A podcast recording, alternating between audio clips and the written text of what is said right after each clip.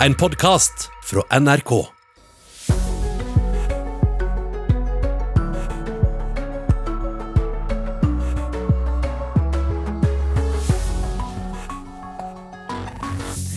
Statslederne i EU kan endelig reise hjem fra det lengste toppmøtet de har hatt noen gang.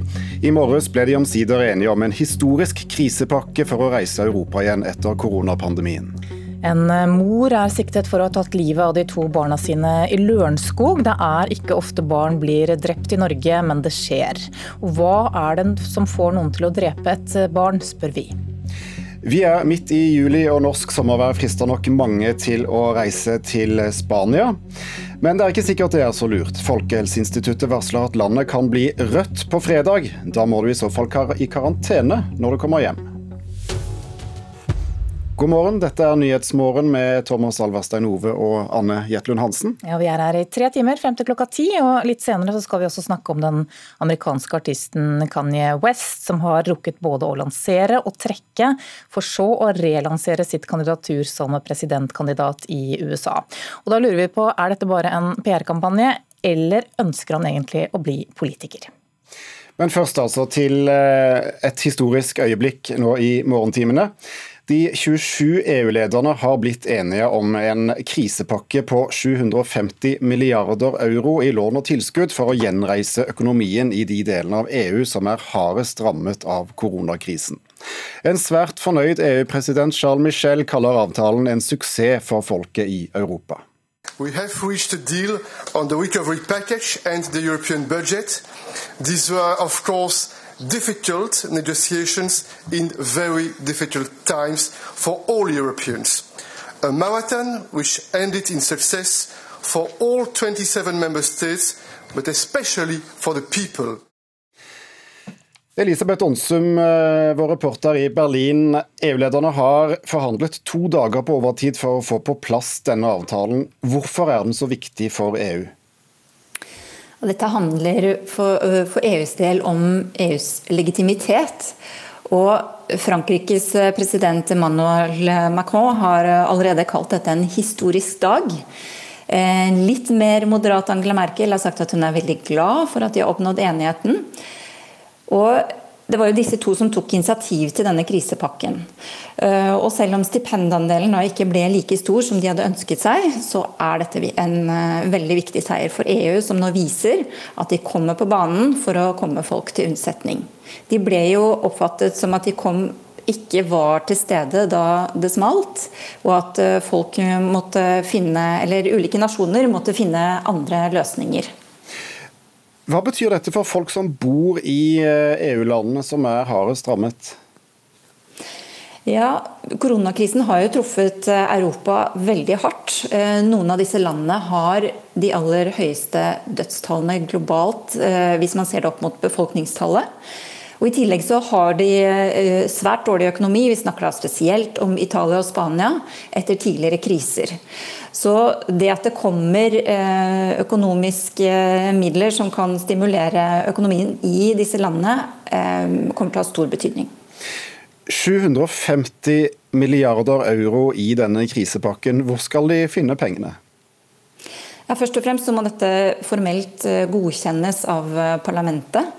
Men planen er at de skal lånes i det åpne markedet, og så skal de deles ut som obligasjoner til mottakerlandene. Og Det betyr at det er EU som står som garantist for lånet, og ikke det enkelte medlemslandet. Og Det um, er en litt ny modell, og en litt mer solidarisk modell enn det vi har sett tidligere. Takk skal du ha, Elisabeth Aansum i Berlin. Og reaksjonene på, eh, på EUs krisepakke får du selvfølgelig utover i eh, Nyhetsmorgen. Moren til de to barna som ble funnet døde i Lørenskog søndag morgen, ble i går siktet for å ha tatt livet av dem. Moren ligger selv hardt skadd på sykehus.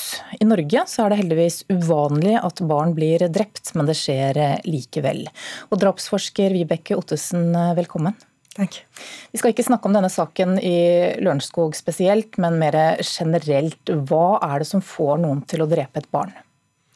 I Norge så fant jeg i eh, min forskning at det typiske barnedrap, da er en eh, forelder, som oftest en far, men en forelder, en genetisk forelder, som enten har en psykotisk episode, det var omtrent 20% av tilfellene, eller så i 80% av tilfellene så var det en forelder som skulle ta livet av seg sjøl, og tok med seg da det kjæreste det hadde, inn i døden. Hvorfor det? Ja, Det kan høres uh, rart ut for de som uh, ikke har hatt den type tanke, men uh, når du opplever livet ditt som ekstremt, og du får tanke om, om, om å ta livet av deg sjøl Det er jo en ekstrem løsning, men for den som står oppi det, så ser vi da at det at de er glad i ungene sine, er det som fører til at de tar ungene med seg. De sjøl vil vekk fra denne verden, og de tar med seg det kjæreste de har.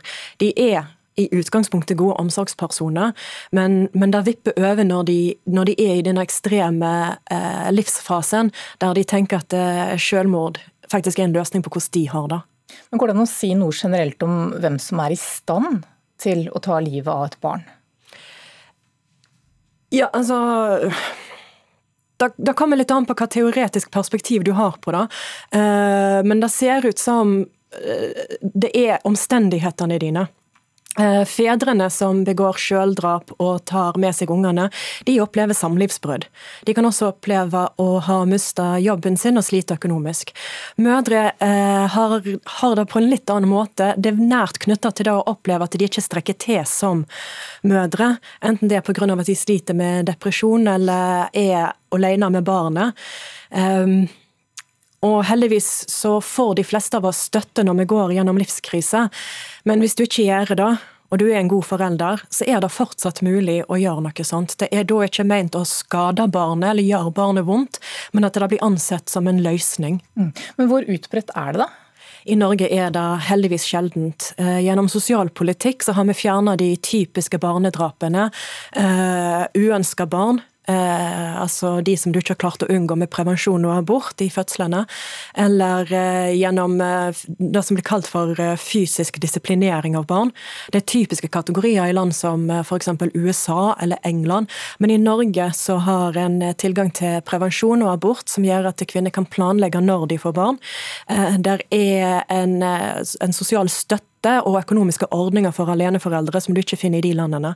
Dermed så unngår vi eh, drap på de yngste barna og drap gjennom eh, den såkalte oppdragervolden.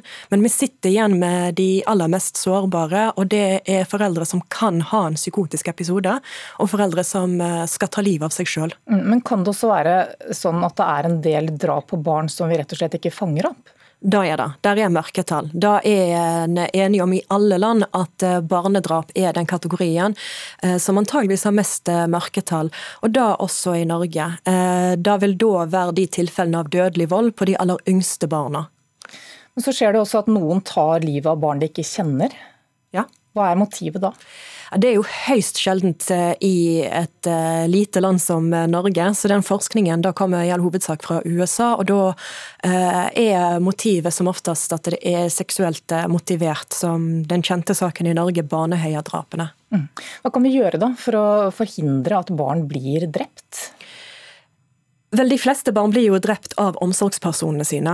Eh, og da av foreldre som eh, har en psykotisk episode, eller som, eh, som er suicidale, altså går med tanke om å ta livet av seg sjøl. Det blir da viktig for de rundt dem å støtte disse foreldrene i foreldregjerningen, og være der for dem, eh, sånn at de ikke opplever seg selv som dårlige foreldre, eller at de opplever at eh, de selv og barna ikke har en framtid. Men å være der og vise at uh, det er et liv etter krisen hvis den kommer seg gjennom den. Mm, men det kan jo være sånn at det ikke er så lett å fange opp? Ja, fordi folk eh, har en idé om at eh, når jeg foreleser om barnedrap og spør folk hva tror du er det mest typiske barnedrapet i Norge, så tror folk at det er foreldre som eh, ikke elsker barna sine og som slår dem. Kristoffer Kile-saken, en liten gutt som ble utsatt for dødelig vold av stefar, og en mor som ble domfelt for ikke å stoppe det. Men det mest typiske er en forelder som går gjennom en livskrise, eh, som skal ta livet av eh, seg sjøl. Og når naboer rapporterer i etterkant av disse drapene at eh, han, hun, var en god forelder, så må vi ta inn over oss at gode foreldre gjør det. De tar med seg det kjæreste de har, inn i døden. Ok, Drapsforsker Vibeke Ottesen, takk for at du kom hit til takk. Nyhetsmorgen.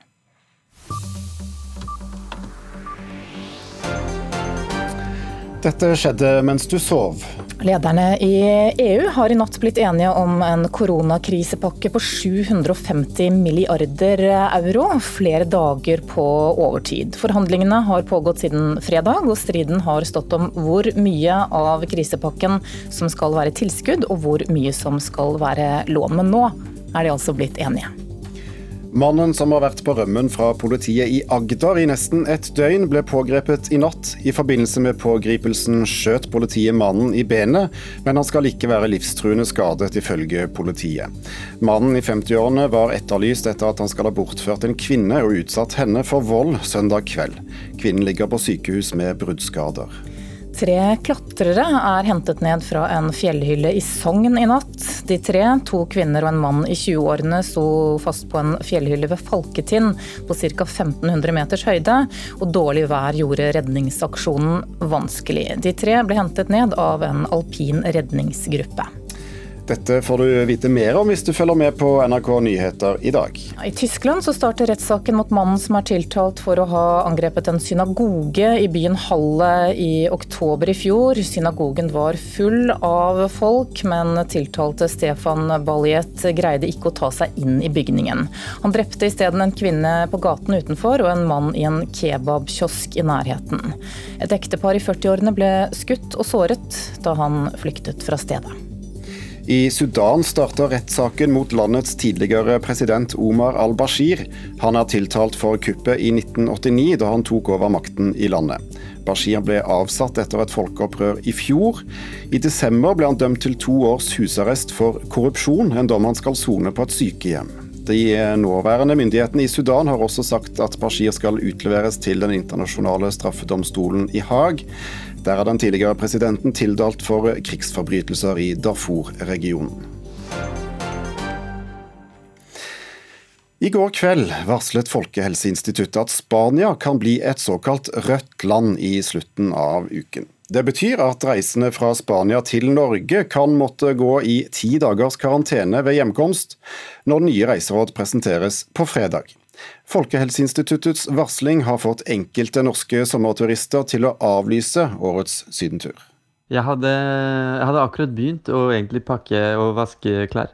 Og så eh, innså jeg at det var litt eh, sånn fånyttes. Benjamin Nordtømme skulle egentlig sitte på morgenflyet til Alicante akkurat nå, men sånn ble det dessverre ikke. Altså, det var usikkert om det dreide seg om eh, karantene ved, ved hjemreise eller ikke. Så sa jeg ifra til eh, foreldrene mine tidligere i dag at eh, jeg rett og slett ikke, ikke blir med på turen. Økningen av antall smittetilfeller i Spania gjør at landet overstiger grenseverdien som Folkehelseinstituttet har satt på 20 tilfeller per 100 000 innbyggere de siste to ukene. Tall fra EUs smittevernsbyrå European Center for Disease Prevention and Control viser at Spania nå ligger på 20,7. Assisterende helsedirektør Espen Nakstad forklarer at grunnen til at Spania ikke stenges med en gang, er at man må se smittetallene i en større sammenheng før man farger landet rødt. Nå er systemet lagt opp sånn at man gjør en totalvurdering av eh, alle europeiske land minst eh, hver 14. dag. Nå ser det jo riktignok ut som at Spania vil kunne endre farge, og derfor har Folkehelseinstituttet gått ut i dag og, og, gjort oppmerksom på det, sånn at folk kan forholde seg til det. Men man ønsker eh, å se disse tallene over litt flere dager, og så se det også da i sammenheng med eventuelle endringer i andre land. Men han sier også at man bør tenke seg om godt før man setter seg på flyet til Spania. Det er fortsatt Eh, mulig å reise til Spania. Eh, men da må man påregne karantene i ti dager etter at man kommer hjem, eh, nå som fargen endres da mest sannsynlig til rødt på fredag. Men hvis man sitter på flybilletter, er det lurt å kansellere de nå, da? Jeg tror nok det er lurt at den enkelte vurderer selv om man kan gå i en karantene når man kommer hjem eller ikke. Men om du allerede skulle befinne deg i Spania akkurat nå, og kommer deg hjem før det mest sannsynlig blir rødt på fredag, så slipper du karantene når du kommer hjem. Da er det jo sånn at disse karantenereglene de har ikke tilbakevirkende kraft. Dvs. Si at uh, hvis du uh, kommer uh, da fra et land som er grønt og kommer hjem, og så endrer det landet farge til rødt etter at du har kommet hjem, da må du ikke i karantene. Men på den motsatte siden, hvis du da kommer fra et land som er rødt, og du oppholder deg i Norge, i karantene, så hjelper det deg ikke om det landet blir grønt i mellomtiden. Da må du fortsette karantenen i ti, ti dager. Og på ferie må du også ta dine forholdsregler, forklarer Are Stuvitz Berg i Folkehelseinstituttet. Ja, De må følge med på de lokale helsemyndighetenes eh, råd. Men ellers er det jo de samme eh, forholdsreglene der som her. Å holde avstand til andre og ha god hygiene når man hoster, og god håndhygiene osv. Gjøre de basale tinga som vi har blitt opplært i nå i ganske mange måneder og uker. Men for Benjamin Nordtømme, som egentlig skulle vært på familieferie i Spania akkurat nå, var karantene for lite fristende til å bli med til Spania i dag. Ja, fordi jeg har allerede sittet i karantene en gang eh, i år, og det har jeg ikke noen planer om å gjøre igjen. Rett og slett. Reporter her var eh, Carl Biel.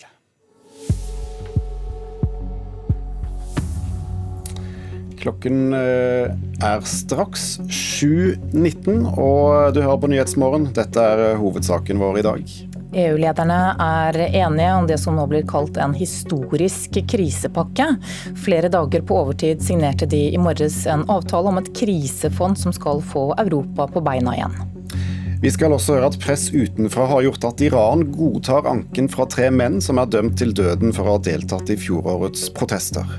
Og hva skal sysselmannen på Svalbard hete etter 1.1? Foreløpig har departementet ikke fått noen navneforslag. I går henrettet Iran den mannen regimet mener solgte informasjon til USA, slik at amerikanerne kunne ta livet av general Qasem Soleimani i januar i år. I tillegg er flere andre dømt til døden for helt andre forhold, bl.a. for å ha deltatt i protestene i fjor vinter. Tre av henrettelsene er foreløpig stanset etter press utenfra, men i Iran ulmer det under overflaten.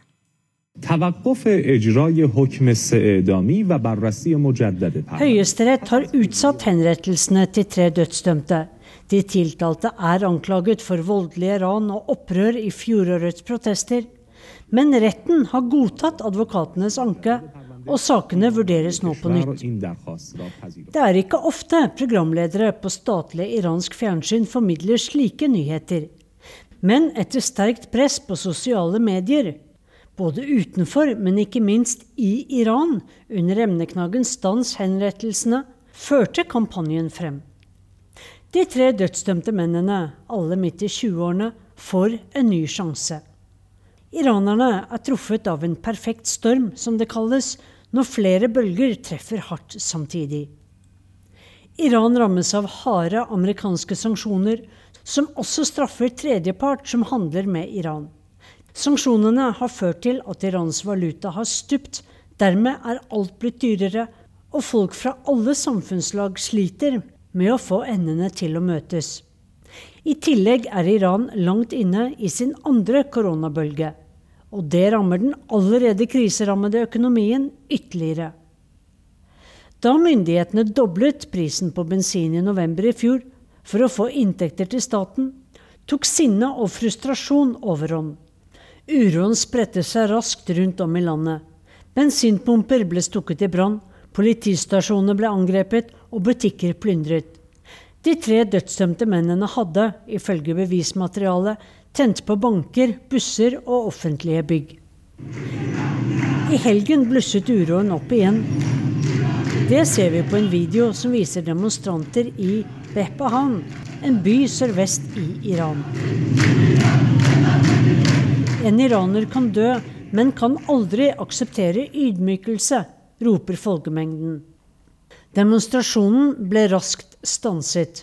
Politisjefen i regionen Kosestan sier at alle gjerningsmennene bak denne ulovlige ansamlingen i Bebahan er identifisert og arrestert. Det ulmer under overflaten i det iranske samfunnet. Sanksjoner, økonomi i fritt fall, arbeidsløshet, Omfattende korrupsjon og korona setter folk på en hard prøve. Også myndighetene er presset. Og er dødsdommene mot dem som deltok i demonstrasjonene i november, et klart budskap til dagens frustrerte iranere? Er beskjeden at om dere tar til gatene igjen, venter flere dødsdommer? I går ble Mousavi Majid henrettet, dømt for å ha spionert for CIA og Mossad. Han skal ha informert dem om hvor Qasem Soleimani befant seg da Donald Trump ville likvidere Irans mektigste general. Men Iran har henrettet flere i det siste, og nå slår Amnesty alarm om at antallet har gått kraftig opp i 2020. Av de over 120 som er henrettet så langt i år, er f.eks. én mann dømt for å ha drukket alkohol. Amnesty ber nå FN og FNs medlemsland om å påvirke Iran til å stanse henrettelsene. Den siste kampanjen viser at press kan føre frem. Det var vår korrespondent Sissel Wold som rapporterte. Hva med å avtjene verneplikt i helsesektoren i stedet for i militæret? Det forslaget ønsker Senterpartiets Kjersti Toppe å utrede. Hun vil kalle inn ungdom til det hun kaller solidarisk samfunnstjeneste. Toppe tror det vil være en ressurs ved fremtidige helsekriser, og kunne være med å avlaste sykepleiere og helsefagarbeidere i bl.a. eldreomsorgen. Og ungdom NRK har snakket med, er positiv. Det kunne jeg tenkt meg, faktisk. Det vil jo da siden være en ressurs Norge kan utnytte da. Samtidig så er nok ikke alle helt egna for det, da. Ungdom NRK har møtt, snakker om et forslag fra Senterpartiets Kjersti Toppe, der hun sier hun ønsker en ny form for verneplikt, der unge mennesker tjenestegjør i helsesektoren. I lys av korona sier Toppe at pandemien har vist hvor sårbar den norske helsetjenesten er. Da vil mange flere ha opplæring og kunnskap om arbeid i helsesektoren, og eh, det vil være en god forsikring å ha i, i samfunnet vårt. Forslaget er ikke nytt. I 2011 kom utredningen Innovasjon i omsorg, der det foreslås en slik ordning for å møte fremtidens utfordringer i omsorgsarbeidet.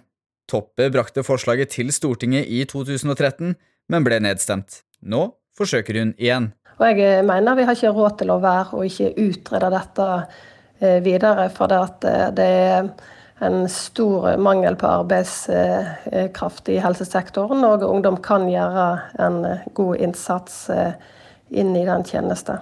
Leder i Norsk Sykepleierforbund, Lill Sverresdatter Larsen, sier hun er positiv til tanken, men at det er svært viktig at et slikt opplegg blir satt i system. Hvis du tenker at det blir putta inn enda flere ufaglærte som, som sykepleiere og helsefagarbeidere skal veilede Eh, samtidig som du skal gjøre eh, de vanlige arbeidsoppgavene. Så det vil kreve mer ressurser, ikke mindre. Men samtidig, på sikt, så vil du kunne ha flere som vil kunne håndtere f.eks. Eh, enklere deler av helsetjenesten i en krise sånn som nå. Men også eh, kanskje i større grad ønske seg inn til både frivillig arbeid, men også eh, mer formelt arbeid som sykepleier eller helsefagarbeider. På Stortinget er ikke alle overbevist. Helsepolitisk talsperson for Høyre, Sveinung Stensland, avviser ikke forslaget men sier man heller burde ha fokus mot utdanning. Jeg tror det aller beste vi kan gjøre, er å fortsette det vi har gjort, nemlig å utvide antall studieplasser. Utdanne flere helsefagarbeidere, flere sykepleiere, flere leger og annet helsepersonell. Det er der vi må sette inn de store ressursene. Også helsepolitisk talsperson i SV, Nicholas Wilkinson, sier prioriteringen må være å gi hele, faste stillinger til de som allerede er vikarer og har deltidsjobb og at ved helsekriser er bedre å kalle inn andre grupper. Også pensjonistene, de som har vikarstillinger, de som um, har deltidsstillinger, og de kan jobbe. Ikke kaste folk inn som aldri har jobbet i helsesektoren før. Reporter her var Einar Lone Bjørud. Fra årsskiftet så skal ikke tittelen 'Sysselmann på Svalbard' brukes lenger, og grunnen til det er altså at tittelen ikke er kjønnsnøytral. Sysselmannen er regjeringens øverste representant på øygruppen, og har rolle både som politimester og fylkesmann. Men foreløpig har det ikke kommet noe forslag til departementet om hva dette nye kjønnsnøytrale navnet skal være. Kjerstin Askholt er sysselmann på øygruppen nå. Ja, Det er ikke vanskelig å være enig i diskusjonen og vurderingen av å finne kjønnsnøytrale titler. Så den er jeg selvfølgelig helt enig i og ønsker velkommen. Men utfordringen den kommer jo når man skal finne et godt alternativ til denne helt spesielle stillingen. Det sier dagens sysselmann på Svalbard, Kjerstin Askholt. Departementet håper på navneforslag, men har ikke mottatt noen, får NRK opplyst. Dagens sysselmann Kjerstin Askholt har sjøl ingen gode forslag til navneendring. Jeg har tenkt på mange forslag, men jeg har rett og slett ikke noe godt forslag. Men det som er viktig for meg, det er at uh, man ikke lener seg for mye. Er både, er, vi er jo på mange vis et avansert landhandleri, og det er to hovedroller. Det er å være fylkesmann og politimester. Og da kunne jeg ønske meg en tittel som ikke lener seg kun til det ene eller det andre. Eh, fordi at rollen inneholder begge deler. Tittelen må være en tittel som gir en viss form for autoritet. Ann Kristin Olsen var den første kvinne som ble sysselmann på Svalbard. Men klarer ikke for sysselmannens del å finne noe veldig godt forslag, og det er jeg egentlig ganske lei meg for. Reporter her, det var Lars Egil Mogård. Det kan jo hende det kommer inn noen forslag nå, da, når eh, folk får høre at du ikke har kommet inn noe særlig. Klokka nærmer seg 7.30. Vi skal straks ha Dagsnytt ved Idun eh, Lavik, men etter det så skal vi til eh, Telemark, for i Drangedal er mange barn redde mens de står og venter på skolebussen langs en farlig og sterkt trafikkert vei. Før høstmørket kommer, håper de å få gatelys på plass. Den store saken i denne morgenen det er også det som har skjedd bare for kort tid siden, at EU-lederne har blitt enige om denne koronakrisepakken. Og Det høres ut som EU-lederne er fornøyd. Dette er selvfølgelig toppsak både i 7.30, men vi skal også snakke mer om dette etter klokka åtte. Det skal vi. Og i uh, dagens sommerkvarter 7.45 kan vi uh, friste med Julie Botkorp. Hun fikk uh, en storm å stå i da som leder for representantskapet for Norges Bank etter utnevnelsen av ny sjef i oljefondet.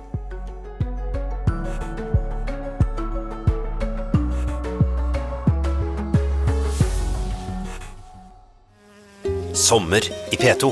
Herregud, hva er det jeg har gjort? Jeg sto med snø til oppetter hoftene, og ja, jeg må innrømme, med gråten i halsen. Jeg heter Marit Karlsen. Jeg har vært platedirektør og musikkjournalist. I Sommer i P2 forteller jeg om hvordan jeg med skrekkblandet fryd kastet loss og flyttet alene til en veiløs hytte. Sommer i P2. I dag klokka ti og når du vil i appen NRK Radio.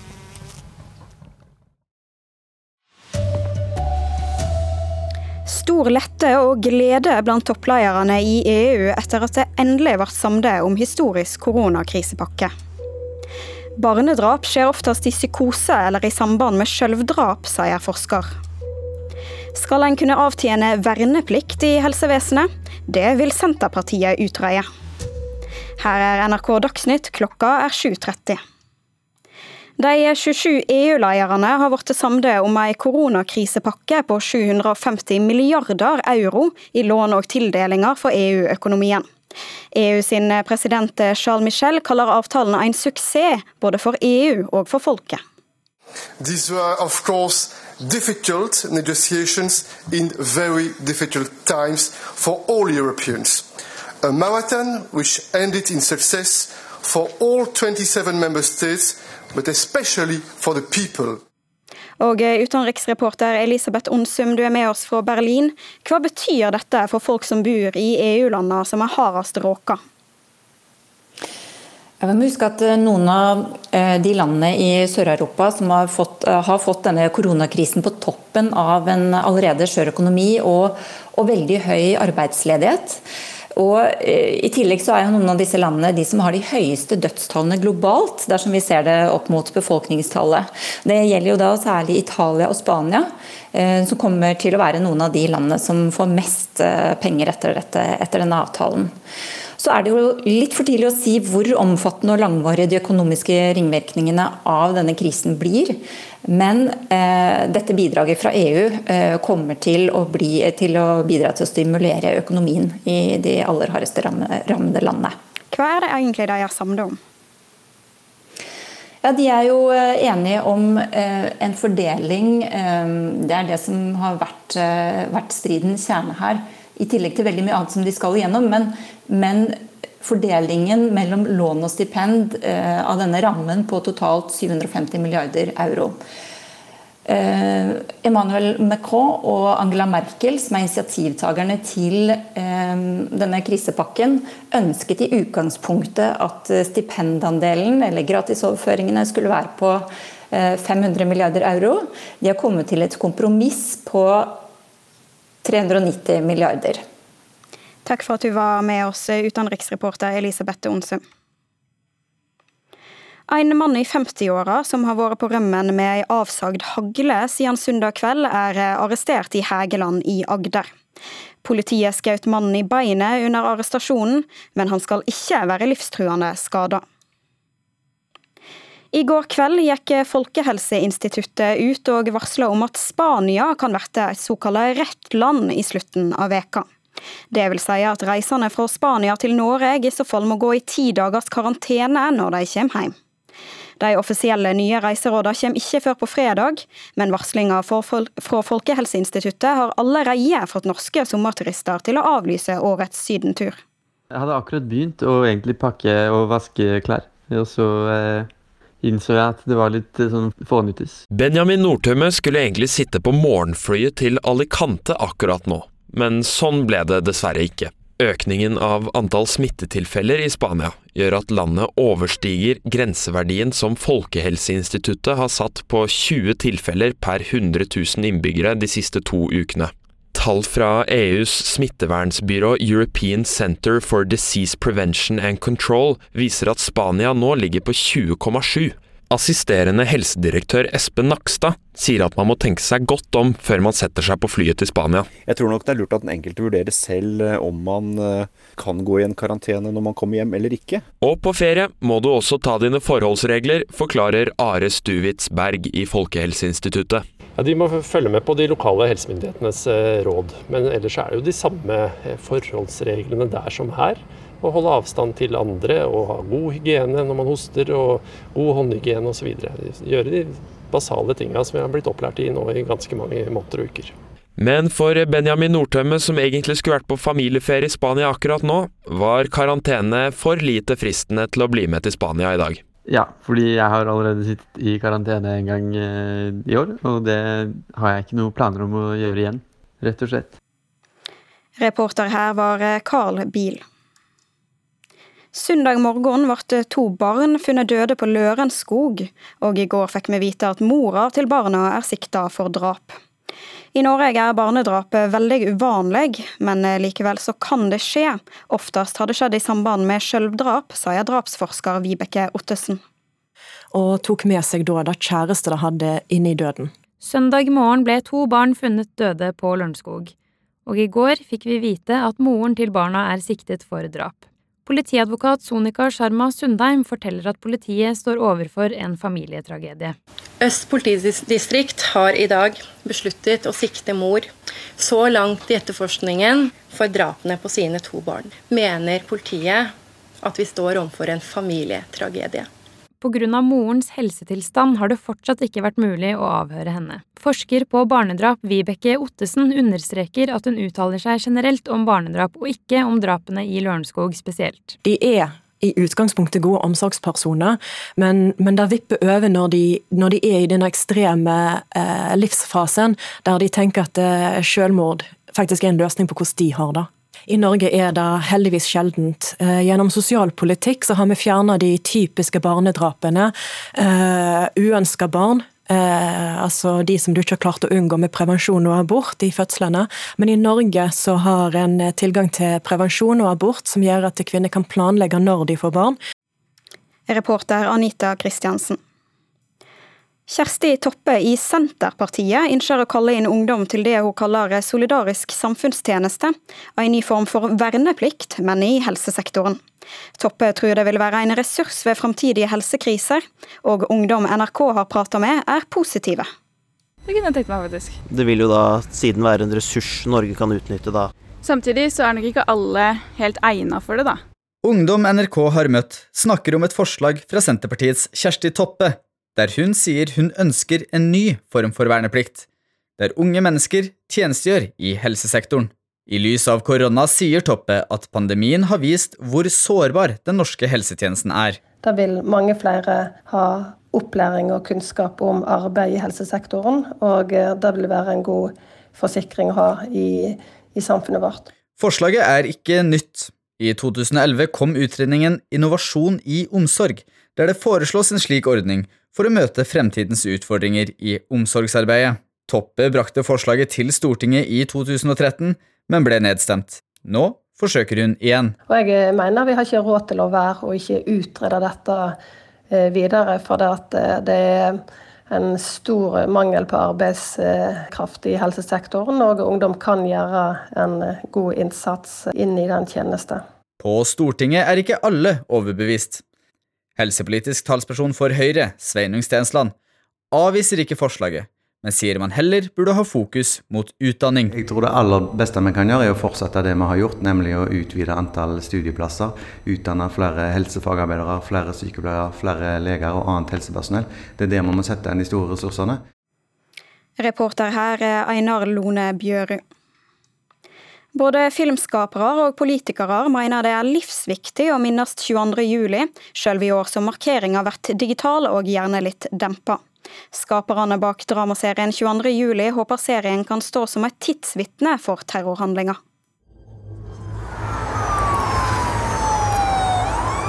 I dramaserien 22. juli, som kom i januar i år, har serieskapere Pål Slettaune og Sara Johnsen prøvd å forevige terrorhendinger som rysta Norge og verden for snart ni år siden. Vi håper at 22. Eh, skal kunne brukes for å fortelle de kommende generasjoner om hva som hendte, og hjelpe oss å huske den hendelsen i kulturen. Og nettopp det å huske er ikke Sara Johnsen alene om å synes er viktig.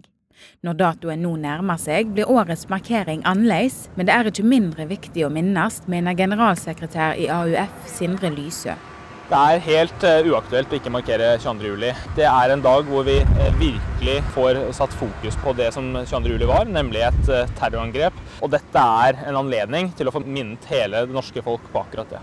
Han er sjøl overlevende fra Utøya, og oppmoder om å passe ekstra godt på hverandre i år som det ikke blir rom for å møtes. Det er mange som har det ekstra tøft denne dagen, og det syns jeg at vi alle i samfunnet skal eh, ta hensyn til. Og at vi sender en ekstra melding, og at vi er ekstra gode med, med alle de folka i år. Reportere var Ida Yasin Andersen og Silje Liseth Tennøy. Ansvarlig for sendinga i dag var Ulf Tannes Fjell. I studio Idun Lavik.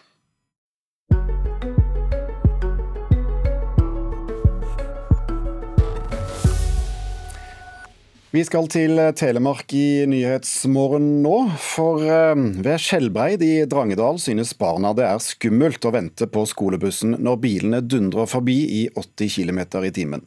Særlig når det er mørkt. Nå ber foreldrene om at ungene får en tryggere skolevei, og søker om gatelys til de tre busstoppene langs den sterkt trafikkerte fylkesveien. Det er jo 80 her. Det blir, og det er veldig masse tømmerbiler og annen tungtransport som går på den veien her.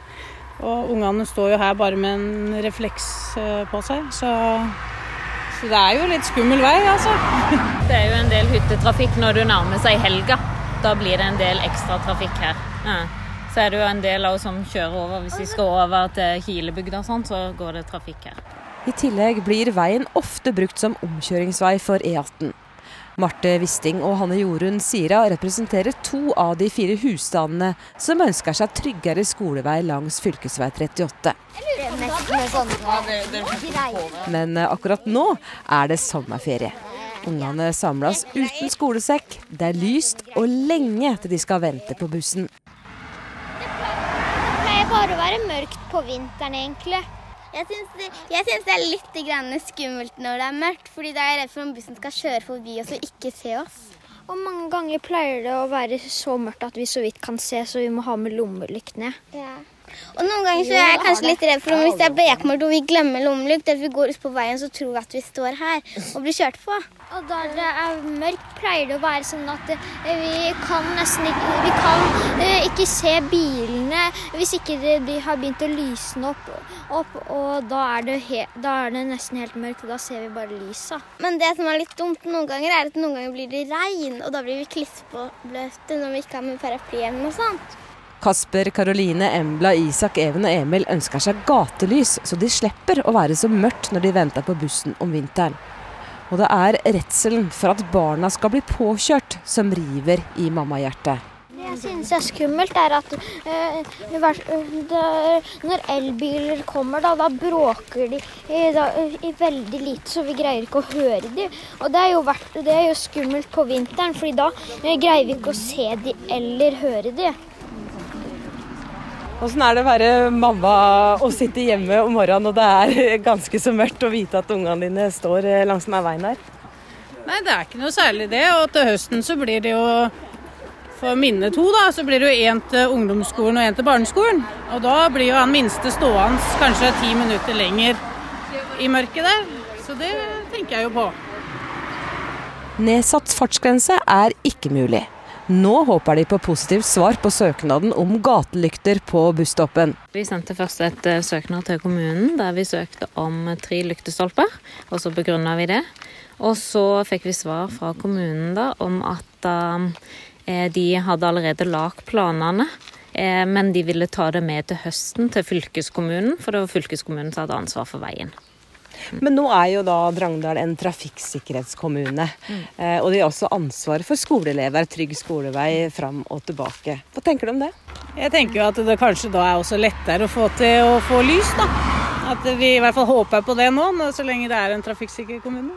Og det er grunn til optimisme. Kommunen vil gjøre det de kan, sier Stina Setre, som er fungerende ordfører i Drangedal. Planen er nå at Trafikksikkerhetsutvalget skal ha et møte så fort som mulig på høsten og diskutere de ulike punktene. Så når høsten kommer, så tenker du at det er mulig at de faktisk får lys? Jeg håper jo det. Det er veldig sånn strenge krav fra Vegvesenet som gjør det forholdsvis dyrt for kommunen å anlegge lyspunkter. Men vi prøver jo hele tida å pushe på til fylket for å ja, få mest mulig til vår kommune, selvfølgelig. Kommunikasjonssjef i Vestfold og Telemark fylkeskommune, Harald Hove, sier de vil vurdere søknaden over sommerferien. Reporter var Anita Moland. Da bråket rundt ansettelsen av Nicolai Tangen som ny sjef for oljefondet nådde Stortingets kontrollorgan, måtte sjefen for kontrollorganet, Julie Bråttkorp, ta toalettet i bruk som digitalt møterom.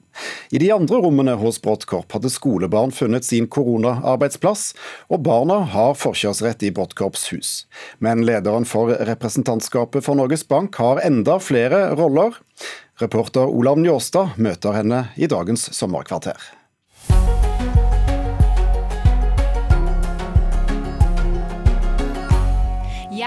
Julie Bråttkorp, som er administrerende direktør i Maskinentreprenørenes forbund til daglig. Og det er det tidligere Bulldoserforbundet? Det stemmer. Bak i privatbilen har Julie Bråttkorp alltid kjeledressen klar. Hun ledet i flere år staben til statsministeren. Nå lærer hun seg å kjøre dumper og bulldoser på ordentlig. For å få større innsikt i hverdagen til medlemmene mine, sier hun. Men hun har også andre roller. Ja, Det viktigste er vel kanskje å være mor til uh, fire. Det har i hvert fall vært en uh, krevende rolle i disse koronatider. Og så er jeg leder av Kringkastingsrådet, og så er jeg leder av uh, Norges Banks representantskap. Kan vi gå på mors, morsoppgaven? Hvordan har det vært i, i korona å jobbe? Nei, det, det, det, var jo litt sånn sjokk eh, den torsdagen hvor eh, regjeringen hadde denne pressekonferansen. For jeg var nok en av de som eh, ikke var forberedt på at det skulle bli så dramatisk. Eh, og plutselig så hadde du da fire unger i forskjellige alder eh, hjemme på hjemmeskole, samtidig som du skulle prøve å, um, omrokere en hel organisasjon med nesten 90 ansatte til også å være på hjemmekontor. Så det, det var krevende. Hvordan løste du det? Ja, vi løste det. Jeg syns jo lærerne eh, fortjener veldig skryt. Fordi at eh, vi var av de som opplevde at eh, fra torsdag til fredag faktisk, så hadde lærerne på alle de fire skolene klart å omstille seg til å ha undervisning på Teams. Slik at det var jo en eh, relativt normal skoledag, men eh, det var jo litt problem med rom, da. Fordi at når du har fire unger pluss meg selv som skulle sitte hjemme, så var det jo liksom et Teams-møte i ethvert rom. Så eh, til slutt så fant jeg at det eneste ledige rommet for meg å sitte og ha Teams-møter med mine folk, det var toalettet. Så da mm, Men man må jo være positiv. Toalettet viste seg å kunne fungere som en, en, en pult, det. Men krevende, det var det jo. Og i det øyeblikket du setter deg på toalettet med Teams-møtet ditt, så tar eh, rollen i Norges Banks representantskap av. Ja, det gjorde det. Så det første møtet mitt med den faste komité var jo også på, på, det rommet. Men det fine eh, med Hvis vi skal prøve å dra noe positivt ut av det, så, så, har det jo vist oss at veldig mange møter kan ta kortere tid og gjøres eh, mer effektivt. For i representantskapet i, Norges Bank så sitter det jo 15 personer, og de bor over hele landet. Mange bruker jo mye tid på å reise inn til disse møtene. Mens her eh, fant man da et sikkert nok system til at vi kunne faktisk ha representantskapsmøte ja, via PC-en. Så her er det rett og slett overvunnet i denne sammenhengen, da, overvunnet en terskel for å kunne ha møter hvor man ikke samles ansikt til ansikt? Ja, det var, det var nok eh, et type organ hvor man både tenkte at eh, sånn eh, informasjon sikkerhetsmessig og, og, ellers i forhold til oss som sitter der, ikke var, var naturlig å tenke på at vi skulle ha, ha, møter på den måten. Men nå fikk vi en mulighet til å se at det kan absolutt fungere. Julie Bråttkorp, vinteren din den ble preget av, eh, av Norges Bank-saken. Eller du leder representantskapet i Norges Bank som fikk Tangen-ansettelsen i fanget. Kommer dette til å prege sommeren din? Det kommer jo til å prege sommeren, eh, sommeren, min i forhold til at man er jo sånn som menneske at man går med det i bakhodet. Eh, og jeg ser jo på det som en stor oppgave eh, å være på åpen høring i Stortinget. Samtidig så er det jo et enstemmig representantskap som både har stilt spørsmålene, kommet med merknader og til slutt sendt brev til Stortinget.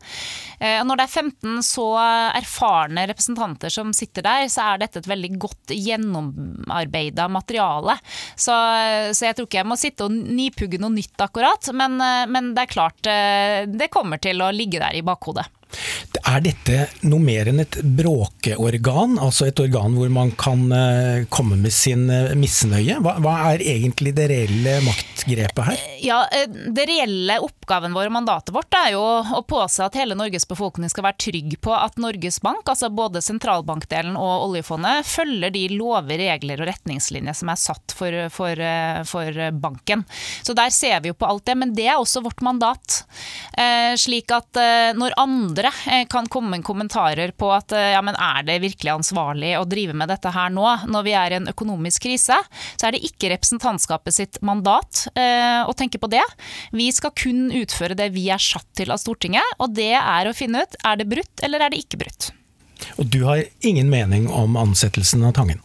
Nei, jeg har verken meninger, følelser eller noen tro eh, rundt eh, det. Der er jo tilsynets art, eh, hva kan man si, kjedelig. Vi har gjort vår jobb, vi har rapportert til de som har utnevnt oss, og så er det opp til dem hva det er riktig å gjøre med det. Så du følger rapporten inn, og det er det? Ja.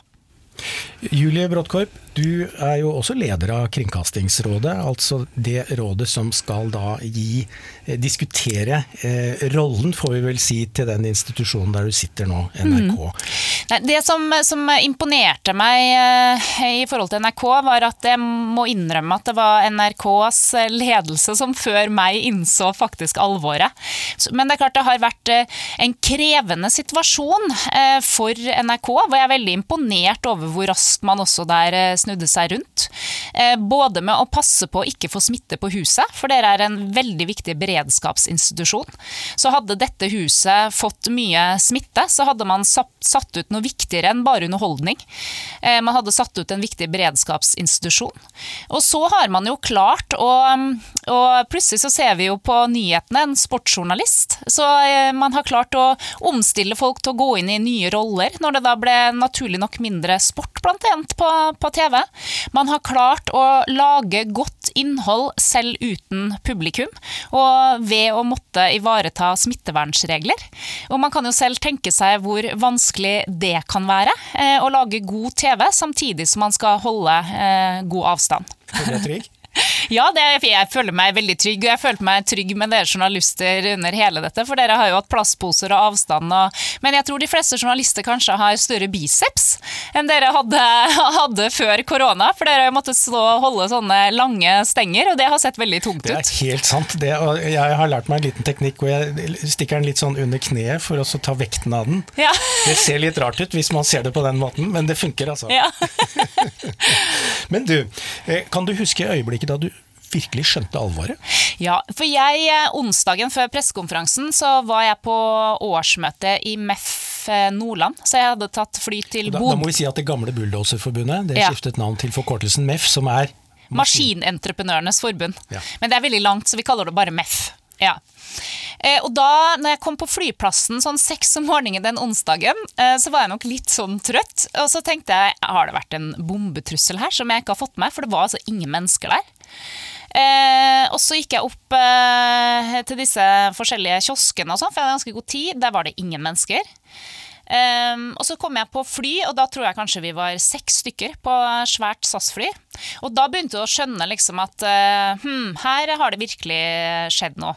Og så var det på vei hjem fra, fra Bodø at uh, Raymond Johansen uh, hadde da en pressekonferanse uh, hvor han oppfordret alle arbeidsgivere bl.a. til å ha hjemmekontor. Sånn at folk ikke skulle stå tett i kollektivtrafikk på busser osv. Da skjønte man jo at nå, nå, må vi virkelig begynne å omstille oss. Så den kvelden så satte jeg meg ned og skrev en liten plan for egen organisasjon.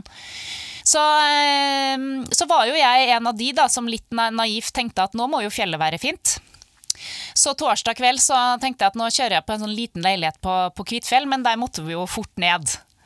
Eh, men da vi stoppet innom en butikk da, og så køene av mennesker som hamstret det meste, da skjønte man jo liksom at uh, dette er faktisk krise. Og Da er vi jo på hytteforbudet og det som skjedde av lukking der. Tror du det kommer til å gjenta seg hvis vi oppstår en lignende situasjon? Det vet jeg ikke, men, men, det jeg vet er at jeg er ikke av de som har vært kritiske til, til noen av de tiltakene som, kom, som, har kommet, rett og for at eh, jeg er innmari glad for at vi heller eventuelt gjorde for mye enn for, for lite en, en periode.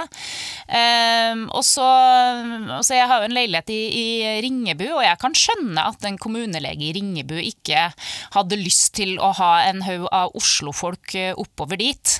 Uh, det kan jeg skjønne, for det, det er ikke helse helsevesenet i Ringebu og ei heller Lillehammer rigga for, rett og slett. Har du i løpet av denne tiden hatt lyst til å ta fatt i noe av det politiske? Du har vært rådgiveren til Erna Solberg veldig tett på. Det, er det noe som har trigget deg, hvor du har virkelig lyst til å ta fatt?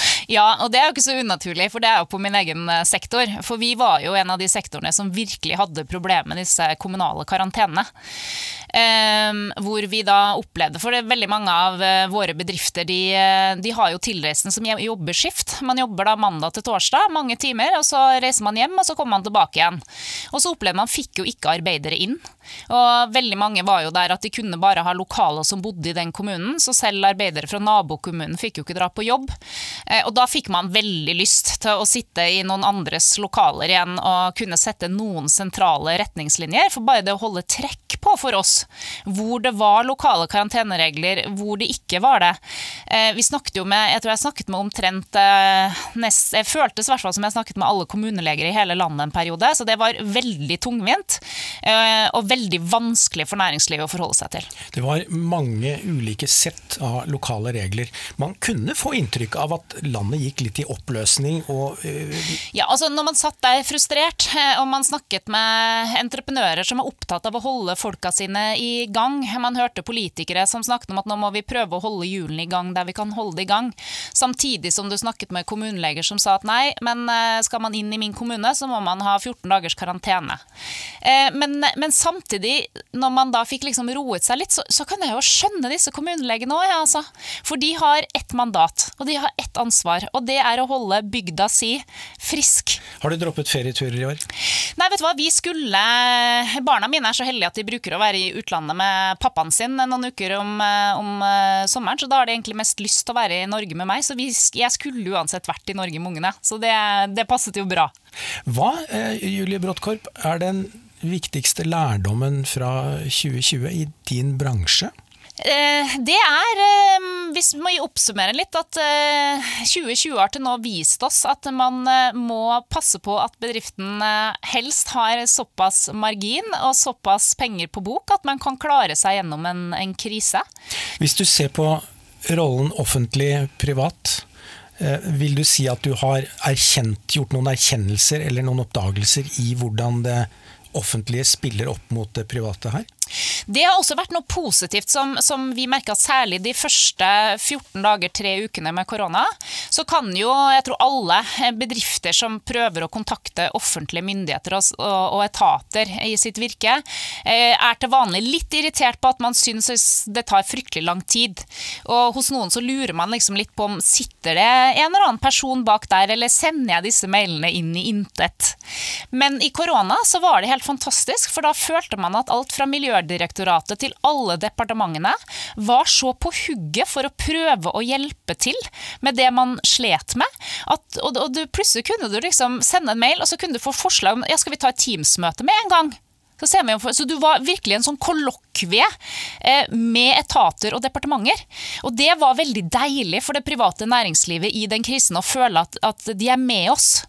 Eh, og det tror jeg vi kunne dratt med oss med videre òg.